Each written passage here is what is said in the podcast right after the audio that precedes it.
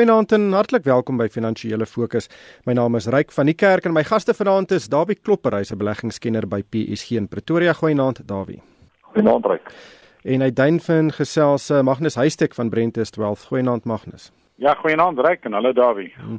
Dawie, alle oë gaan hierdie week wees op Brittanje. Die Britte stem donderdag in 'n referendum om te besluit of hulle in die Europese Unie wil bly of nie. En daar was die afgelope paar weke verskeie peilings Um en dit lyk werklik asof die Britte gaan stem om te onttrek. Nou dit gaan natuurlik die knippel in die hoenderhok gooi en dit gaan nie die beste uitkoms vir Suid-Afrika wees nie. Hoe, hoe lees jy hierdie situasie?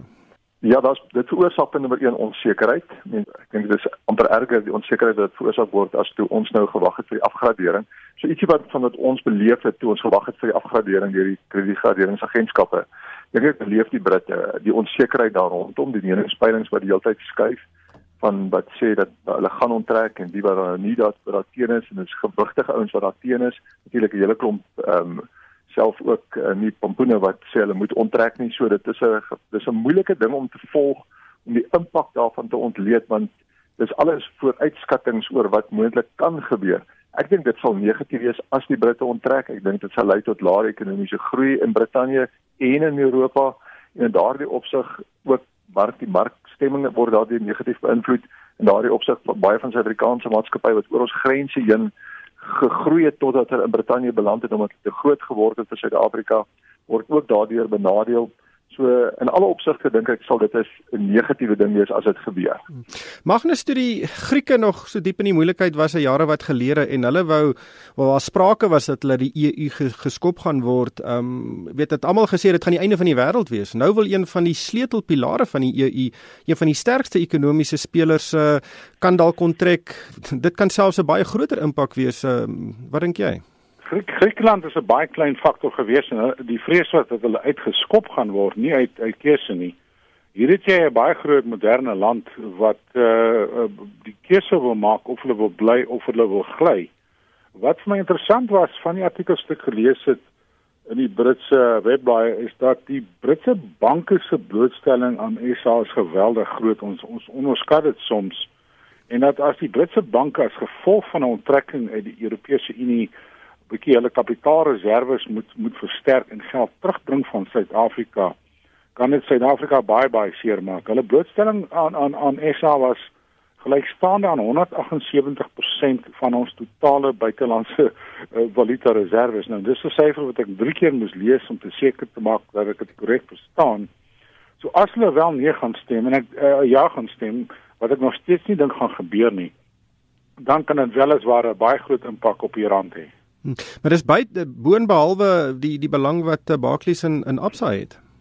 Al is maar een van die voorbeelde. Ek dink nie ons is altyd ten volle bewus van hoe groot 'n rol Londen en en veral Engeland in Suid-Afrika se ekonomiese groei oor baie baie jare en dekades gespeel het nie. En en en, en dit bly nog steeds een van ons grootste handelsvennote, maar ook 'n uh, finansiële handelsvennote. Londen en, en Johannesburg was nog altyd simbiotiese tweeling wat vir baie jare al saam stap.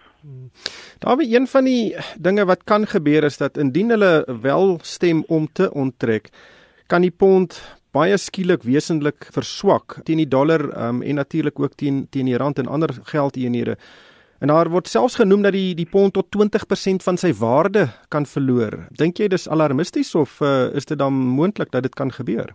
Kyk, dit kan baie maklik gebeur dat hy verder verswak. Die omvang daarvan sal ook ehm um, uiteindelik deur ekonomiese realiteite bepaal word. Ek dink in die skok van die oomblik kan hy dan nou ooreageer, maar dan sal hy terugbeweeg na waar hy behoort te verhandel.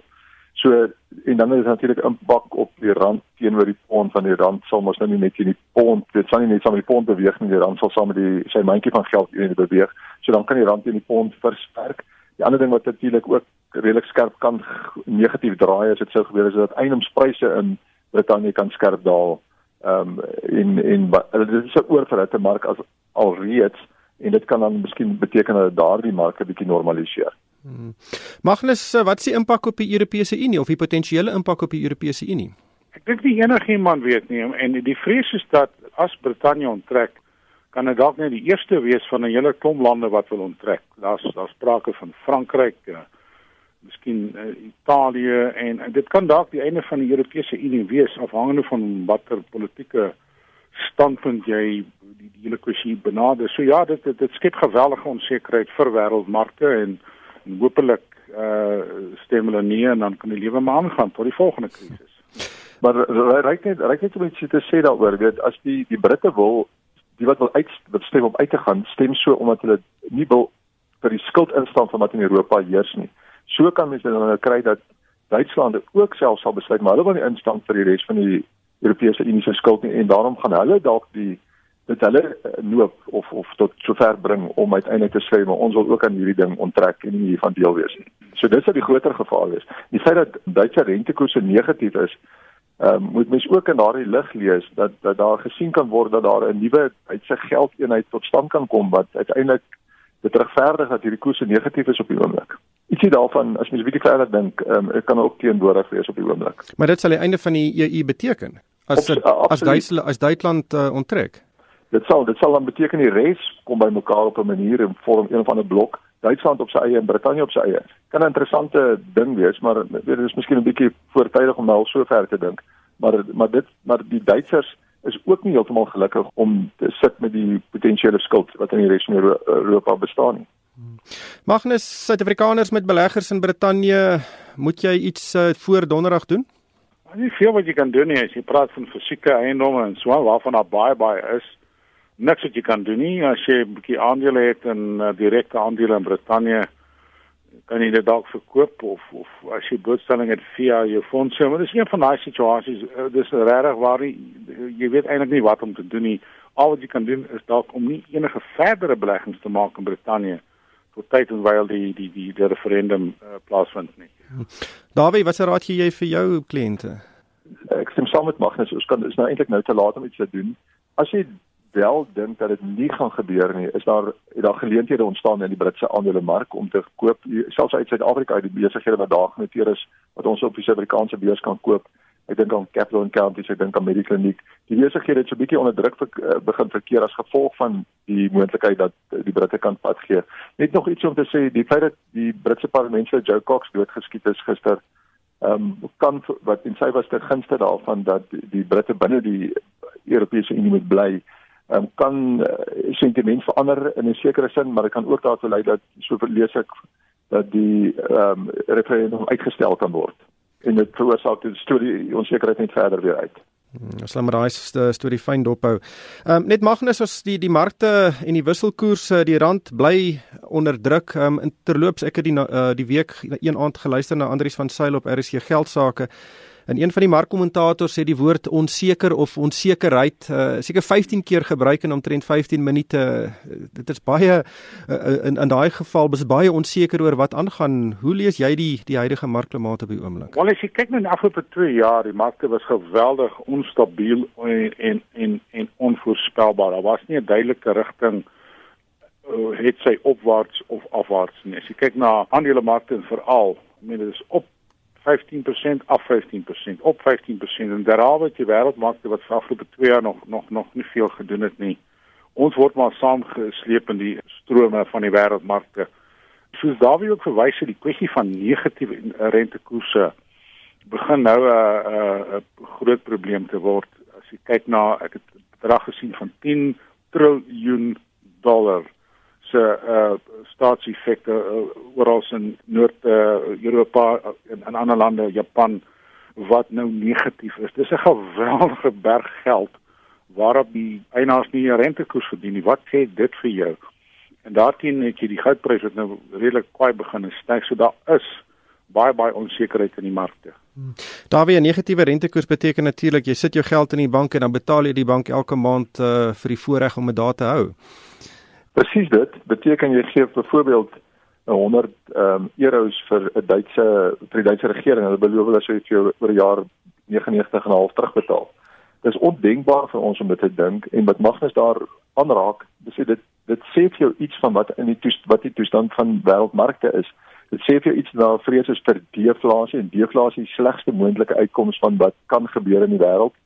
Dit sê vir jou daar is geen vertroue eintlik nie. As ons praat van onsekerheid, dan moet ons ook sê dit is 'n gebrek aan vertroue wat heers in die krag van die ekonomiese groei en die vermoë van beleidsmakers om tog die ekonomie om te draai, om tog monetêre beleid so te rig dat dit tot 'n bietjie inflasie lei, en dis wat hulle almal soek en dit is 'n onsekere omgewing. Weet ons beurse het vir 24 maande lank eintlik niks gedoen nie. Hy's 'n hardloop tussen 50000 en 45000 die hele tyd op en af na nou, omtrent vir 24 maande. Dit reflekteer hierdie onsekerheid. Die koperpryse het, het het hier van die begin van die jaar af 'n bietjie gestyg. Nou is alweer die afgelope 3 maande 10% af. Die koperpryse is 30% af oor die afgelope jaar. Die, die kommoditeitspryse moet ook begin herstel om vir ons te wys, veral in dinge soos koper en ystererts om vir ons te wys dat daar tog begin om krag en vertroue terug te keer in die wêreldekonomie. Ten minste het die olieprys tot naby die 50 dollar per vat beweeg wat ook 'n refleksie is van wat die, die swakheid van die olieprys was 'n refleksie van die onsekerheid wat bestaan het in die wêreldekonomie en die krag daarvan. Die stygings kan daartoe daar dui dat daar tog 'n bietjie vertroue besig is om terug te keer, maar dis omtrent die enigste veranderlike wat op die oomblik iets daarop uh, iets daarvan vir ons wil sê. Die Amer die Amerikaners het ook gesê hulle gaan nie nou rentekoerse verhoog nie want hulle is nie seker wat gaan gebeur met Brexit nie. Punt nommer 1, hulle is nie seker hoe sterk hulle eie ekonomie is nie. Dis alles dele van hierdie onsekerheid of gebrek aan vertroue wat bestaan. Maar uh, Magnus, daai onsekerheid uh, bring mee dat die goudprys styg en die goudbulle moet glimlag. Ek is glad nie 'n aanhanger van goud nie. Ehm um, maar tog lyk dit of dit 'n bateklas is wat op die oomblik uh, ondersteuning kry. Daar's baie beslis 'n uh, begin begin van 'n vloei na na goudprys. Onthou die die die goudprys word kwai geaffekteer deur rentekoerse en as die rentekoerse styg, is dit gewoonlik negatief vir goud en as dit daal soos nou die geval is, so net jou bateklas wat geen rente verdien nie, maar 'n zero rentekoers is baie beter as as as 'n bateklas wat vir minus 1 of minus 2 gee. So dan is die zero opbrengs 'n baie goeie opbrengs en dis dis verstommend dat ons daaroor praat, maar dit is waar ons is. So en en derhalwe die goudprys het ook die aandele uh, aangestoot die mark uh, hierdie jaar op met 80%. Maar dit kom ook van 'n geweldige lae basis af, moet ek byvoeg. So daar is 'n bietjie van 'n uh, geld wat vloei na die goud nie. Ek is ook nie 'n aanhanger van goud nie en ek wil nie die goudmark beduiwel deur môre goud aandele te gaan koop nie want dan val dit weer. Dis maar my uh, geskiedenis met goud aandele, maar ja, daar's iets aan die gang in die goudmark self. Hmm.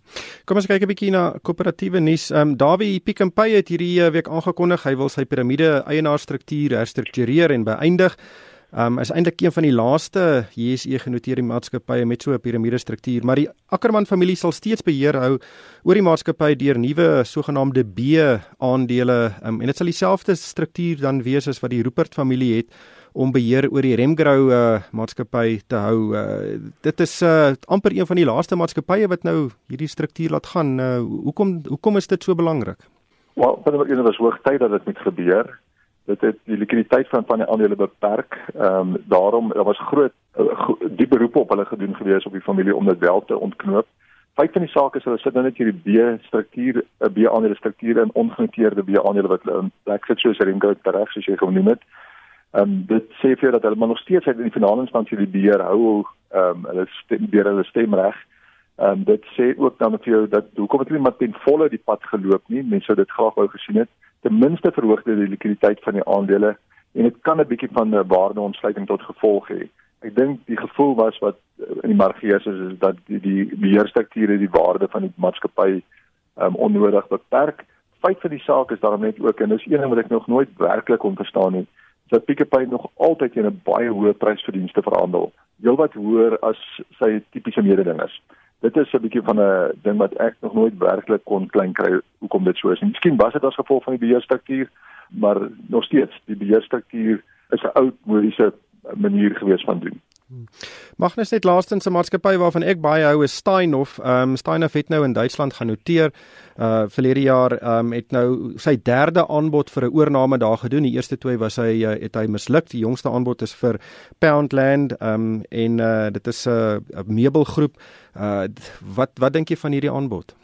Wel dis soos jy vroeër gesê het, jy weet hierdie groot maatskappye is hulle is net te groot vir SA. Die mark is gesatureer en en hulle moet nou uh, op ander plekke gaan gaan gaan jag vir groot maatskappye. En Brittanje was nog altyd vir Christowiese redelik aantreklik met sy trade beleggings en so. Ek dink hy ken die mark baie goed. Hy's gevestig onder die banke daar om die finansiering te kry. So ja, dit is maar deel van Steinhoff en en Christowiese se uitbreiding na die res van die wêreld toe. Weet jy net wat uh, as gevolg van die swak ekonomiese toestande is ons sakemanne mag genoodsaak om hulle kapitaal elders te gaan ontplooi wat wat ongelukkig 'n weerspieëling is van die van die redelike swak toestande in Suid-Afrika veral kleinhandel soos ons hierdie week gesien het met die kleinhandelsyfers uh, wat uitgekom het. Daar's nie veel vonk nie. So dit dit help nie dat jy uitbrei en uitbrei maar daar's nie groei nie. Maar Steinhoff is 'n is 'n baie groot maatskappy. Hulle het nou gaan noteer. Dit was 'n baie berekende notering en toe die eerste twee aanbiedings skiet hulle sommer uit die heup uit. Um met die aanbiedings wat hulle gemaak het. Hulle het in as derde partye betrokke geraak by bestaande onderhandelinge en hulle het daar misluk. Hierdie een is miskien 'n bietjie meer berekend en daar's dalk miskien 'n groter kans dat dit kan weet deurgaan. Hierdie aanbod was ook ongevraagd. Ehm um, hulle het aangekondig nou in die mark dat hulle 22% van Poundland gekoop het in die mark. Maar ehm um, hulle het nog nie die toestemming of die instemming van Poundland gekry om vir 'n finale aanbod ehm um, um, na die mark te kom nie. So net soos met daartoe en home retail wat hulle nie geslaag het met hulle aanbiedinge nie. Ehm um, hoop mense dat hierdie nou dan nou wel gaan slaag. Anders dan gaan hulle dalk 'n bietjie reputasie kry dat hulle nie kan afgetrek kry hierdie tipe van oorname pogings van hulle nie. Hmm. Maar ehm um, Dawie, dink jy dis buite karakter om sulke tipe van aanbiedings te doen? Nee, ek dink nie ek dink nie heeltemal so nie. Ek dink hulle hele poging is om daardie markte begin domineer, die mark van meubelhandel in Europa en dan in ook in Brittanje om dit te probeer domineer deur dit en dan uiteindelik hulle hele model dwars deur die firma toe te pas en meer te kan vervaardig en meer te kan verkoop. Dit is maar hulle model om dit so te doen. So ehm um, dis nie buite karakter nie. Dis net sal net vir my dit sal dit sal net vir my belangrik wees dat wel jy kan van hierdie transaksies afgetrek kry sonder om te veel te betaal om die beheer te kry. Hmm. Van ongelukkig hierdie tyd ons ingehaal. Baie dankie aan Magnus Huystek van Brenthurst 12 en David Klopper van PSG. En vir my ryk van die kerk. Dankie vir die saamluister en ek koop almal 'n winsgewende week.